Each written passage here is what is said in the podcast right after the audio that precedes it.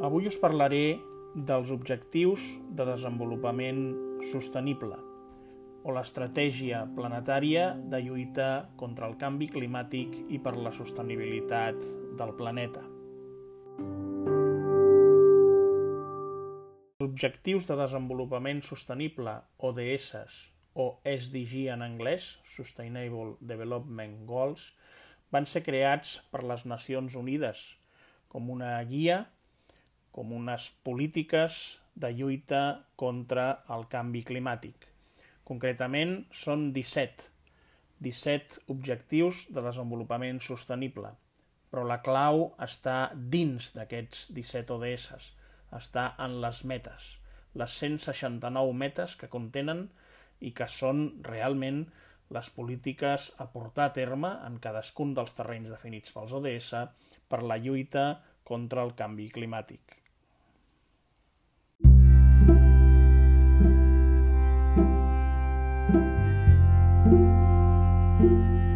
Sobre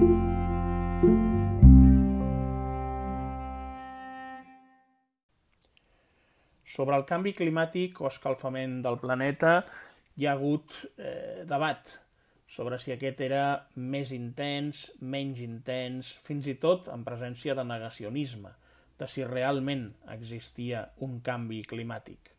Crec que avui en dia les dades són prou clares i és empíric el canvi climàtic. Hi ha un escalfament del planeta, hi ha un canvi climàtic i les causes estan demostrades. Una definició de canvi climàtic és la que diu que és el canvi de les condicions atmosfèriques produït per l'activitat humana que altera la composició de l'atmosfera global i afegeix variabilitat natural al clima observada en períodes de temps comparables, que és exactament on som ara.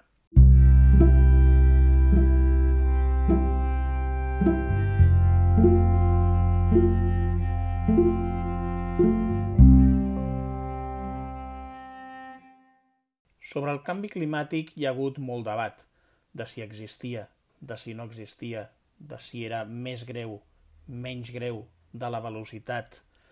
Jo crec que avui en dia el que no es pot negar és que existeix. És empíric, amb xifres és demostrable. Hi ha canvi climàtic. El canvi climàtic és el canvi de les condicions atmosfèriques produït per l'activitat humana, que altera la composició de l'atmosfera global i afegeix variabilitat natural al clima observada en períodes de temps comparables. I hi ha dades de sobres per demostrar-lo. El canvi climàtic el provoca l'efecte hivernacle, que són els gasos de l'atmosfera, bàsicament vapor d'aigua, CO2, metà i òxid nitrós, que absorbeixen i reemeten la radiació infrarroja emesa per la superfície del planeta provocant aquest anomenat efecte hivernacle, que és natural, que és bo per la Terra en la seva justa mesura, perquè ajuda a mantenir una temperatura amb la qual hi puguem viure millor. Però en excés, un efecte hivernacle excessiu degut a l'excessiva emissió de gasos com el CO2 ja és nociu, perquè incrementa la temperatura del planeta per sobre del que seria necessari, provocant afectacions de tot tipus en el que és els mars i oceans, en el que és el de gel, en el que és els animals, en el que és la vegetació i al final en el que és la vida diària i el futur de tots nosaltres.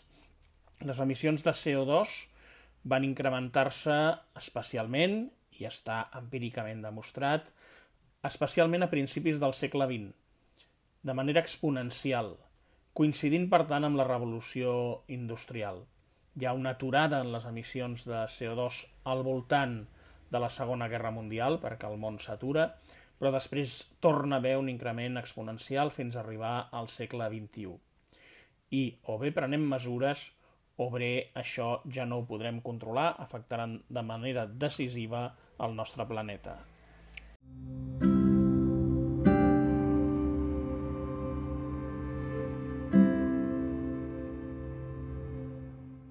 Hi ha tres dates clau en l'aprovació dels objectius de desenvolupament sostenible. Ja fa desenis que sobretot la ONU, l'Organització de les Nacions Unides, on estan representats tots els països del món, en parla. però no és fins al juny del 1992, en l'assemblea a Rio de Janeiro, en què s'aprova ja l'Agenda 21, encara sense objectius de desenvolupament sostenible, però ja amb la idea d'una agenda amb, un, amb una data concreta de finalització en la qual hagin millorat tots els índexs d'emissió de gasos, especialment de CO2 i d'actuació global contra el canvi climàtic. Una segona data és l'anomenada Rio més 20, el juny de l'any 2012, on s'aproven els objectius del mil·lenni, que és un primer embrió del que després serien els coneguts com a ODS. I finalment, una tercera data, al setembre del 2015, finalment, l'Assemblea General de la ONU aprova l'Agenda 2030 i els Objectius de Desenvolupament Sostenible que aterren aquestes definicions eh, poc concretes com Agenda 21, Objectius del Mil·lenni, Agenda 2030, els ODS aterren a mesures concretes, 169 exactament, de lluita contra el canvi climàtic.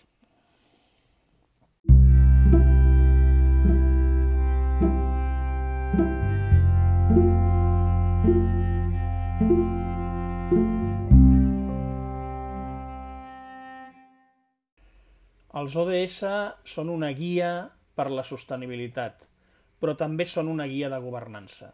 I aquí rau el seu èxit. Sovint, organitzacions planetàries, organitzacions globals o supranacionals, com l'Organització de les Nacions Unides o la Unió Europea o altres estaments, proposen projectes concrets, programes concrets que costen molt d'aterrar perquè són eteris i no hi ha guies clares per a la seva implementació. Els ODS són una grata excepció en aquest sentit i les Nacions Unides han sabut desplegar, construir una guia que ja no només és de sostenibilitat, sinó que també és de governança. Els 17 ODS podrien ser perfectament 17 ministeris de qualsevol govern. Abarquen tots els temes i són una guia senzilla i fàcil d'implementar també de governança.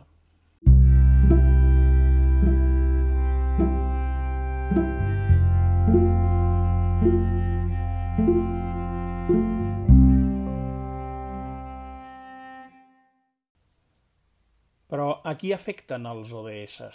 A qui van dirigits? Sovint es creu que són per grans governs, governs de dimensió nacional o supranacional. Greu error. Els ODS són per tots.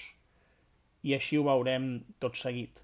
Òbviament que són per l'administració pública, perquè és a qui es deu la ONU, l'Organització de les Nacions Unides, composada pels governs dels països que són els qui els han d'implementar. Per tant, primer dirigits, òbviament, a l'administració pública, per un tema d'obligació, com hem dit, un tema de legislació, eh, són les diferents, els diferents governs, les diferents administracions públiques de diferents nivells que han d'anar adaptant la legislació per implementar els ODS de manera obligada. I després també són les que han d'implementar un canvi cultural, cultural tant intern com extern cara a la població per sensibilitzar sobre la importància dels ODS. Però ens equivoquem si ho circumscrivim només a l'àmbit públic. També són pel privat també són per les empreses, institucions, associacions, ONGs. Qualsevol entitat és susceptible d'implementar els ODS, qualsevol col·lectivitat humana. En el cas de les empreses, eh, què reporta? No? L'empresa doncs, analitza aquests temes, òbviament des d'una obligació moral i de la, des de la responsabilitat social que tenen en formar part d'una societat, però també pel benefici propi. No? Els ODS a l'empresa li aporten una millora de marca i una millora de reputació, perquè cada vegada més la societat i especialment les noves generacions són més sensibles a les polítiques de sostenibilitat, a l'agressió al planeta i a la implementació, per tant, dels ODS. Per tant, una empresa que implementa els ODS millora la seva marca i millora la seva reputació i també la seva competència respecte a possibles competidors que no implementen als ODS. També és una obligació derivada, perquè cada vegada més qualsevol contracte o contacte o projecte conjunt que es vulgui fer amb administració pública, cada vegada més aquesta exigirà, a través de les seves clàusules de concurs i contractació, compliment d'ODS i de polítiques de sostenibilitat. Però és que també una empresa es pot trobar aquestes exigències en un negoci B2B, amb altres empreses que et demanin el compliment de certs criteris de sostenibilitat lligats ara mateix als ODS. Però per l'empresa també és una gran oportunitat de revolucionar les seves polítiques de responsabilitat social corporativa, que en alguns casos han quedat aparcades, abandonades o faltes d'innovació. La innovació que necessiten les polítiques d'RSC de les empreses ho comporta, ho porta als ODS. Són, per tant, també una gran oportunitat en aquest sentit.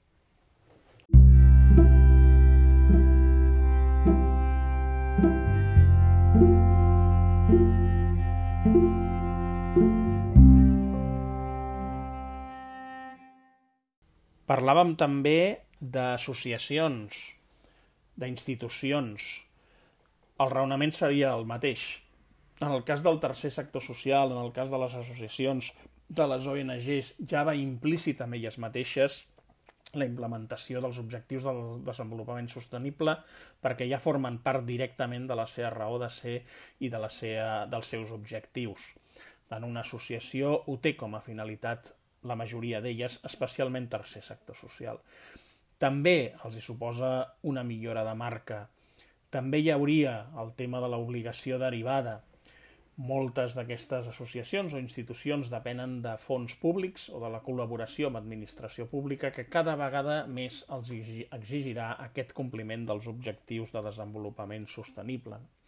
I finalment, en aquest tipus d'organitzacions permet una reordenació interna dels seus projectes i la seva organització amb l'alineament als ODS.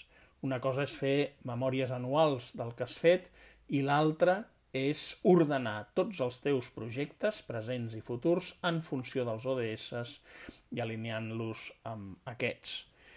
I finalment, si baixem encara més avall, podem trobar eh, l'individu. L'individu mateix podria implementar els ODS.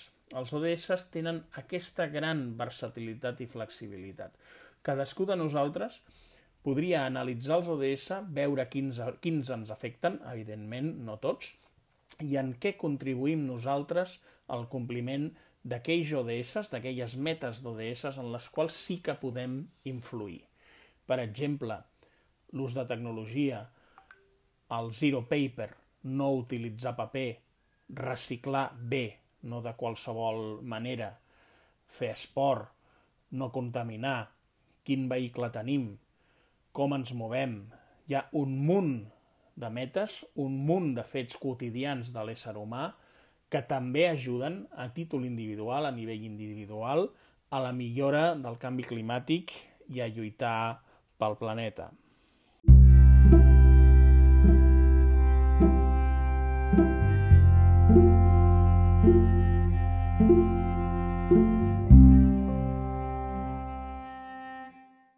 S'estan implementant aquests ODS? On, on som? En quin punt som? Jo crec que ara mateix la societat, siguin empreses, òbviament governs, associacions, tothom coneix els ODS, tothom és ja conscient de que ha de fer coses en aquest sentit, hi ha qui s'ho creu més, hi ha qui s'ho creu menys, però som en un punt encara bastant inicial de la seva implementació. Normalment és una implementació lligada als departaments encara de responsabilitat social corporativa, fins i tot com un projecte dins de la responsabilitat social corporativa, quan en realitat transforma completament aquesta.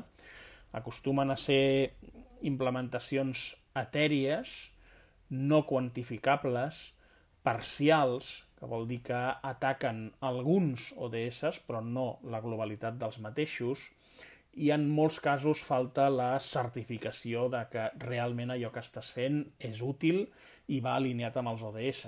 Una cosa és fer el que a tu et sembla i fer veure que estàs, que estàs atacant els ODS i realment fer algunes accions concretes que tu has decidit i l'altra és que des de fora algun estament eh, acreditat et certifiqui que això que estàs fent amb ODS ho estàs fent bé. No? I quin seria eh, l'escenari ideal, no? comparat amb el que acabem de veure? D'entrada, d'haver un alineament real amb els ODS. Tothom parla d'alineament, però què vol dir alineament? Alineament vol dir, com a mínim, que aquells ODS que t'afecten directament a la teva empresa o institució per als teus objectius els compleixis. Tinguis projectes clars o accions, processos interns clars de compliment d'aquells ODS. Això ja està alineat, no una altra cosa. La certificació, com comentàvem, és important. No s'hi val fer qualsevol cosa. La implementació parcial dels ODS és correcta, és bona, per suposat. Qualsevol cosa que es faci és bona, però sempre és millor fer una implementació global, que les pròpies estratègies d'implementació global ja segmenten quines són les metes que ens afecten com a empresa o com a institució i quines no. I es fa sobre les que serien d'obligat compliment, les que ens afecten. I seria important també mesurar l'impacte que cadascuna d'aquestes mesures generen en el canvi climàtic, per la qual cosa és molt necessari establir mètriques, els famosos KPIs, indicadors de seguiment alineament, certificat, implementació global, impacte i mètriques, KPIs, indicadors, seria l'escenari ideal d'una eh, implementació completa dels objectius de desenvolupament sostenible, que no vol dir que qui no compleixi tot això no estigui també fent una implementació dels ODS que sumen en la lluita contra el canvi climàtic.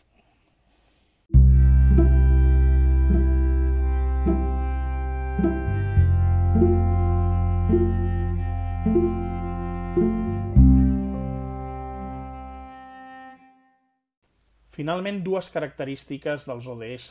Una ja l'hem vist, l'hem vist, la flexibilitat. Una flexibilitat sobre a qui s'aplica i com s'aplica. Ja hem vist que no només són per governs i per grans governs, són per tot tipus de governs, però també per món privat, per les empreses, les corporacions, les institucions, les associacions o qualsevol col·lectivitat humana, arribant fins i tot al propi individu en concret i una flexibilitat que també és en el com. Hi pot haver la implementació global, com hem vist, dels ODS, hi pot haver una parcial, centrant-nos només en aquells 2, 3, 4, 5 ODS que creiem que ens afecten més, i fins i tot una intensiva, centrant-nos en un sol ODS, però fent una implementació molt completa d'aquell ODS. Hi ha aquesta flexibilitat, per tant, en el qui i en el com. I una altra característica seria la seva interpretació, la seva traducció. Els ODS van ser pensats inicialment sí per grans governs i per tant tenen un llenguatge molt polític, planetari, global, de, de govern, eh? un llenguatge que sona a administració pública, que sona a política de govern gran però són implementables per qualsevol tipus, com hem vist, sigui empresa, associació o institució. Què cal fer? Traduir aquestes metes. Les metes tenen aquest llenguatge genèric, global, que cal que sapiguem interpretar i traduir i portar amb lògica cap als nostres terrenys, segons tamany, territori i objectius. Totes les metes dels ODS són perfectament interpretables i traduïbles. És evident que nosaltres, com a empresa petita, posem de 7-8 treballadors, no podem acabar amb els accidents de tràfic, amb la pobresa o influir en les dinàmiques econòmiques, en els fluxes monetaris internacionals. Però per petites accions que fem en aquests terrenys, sigui l'econòmic, sigui de contaminació, sigui de, de, de, de menys accidents de tràfic, qualsevol cosa que fem és un granet de sorra que si tothom posés el seu granet de sorra tindríem una platja que acabaria amb el canvi climàtic. Per tant, flexibilitat i interpretació a l'hora de la implementació dels ODS que animo a fer-ho a tots, sigui a títol individual o sigui com a empresa, institució o associació.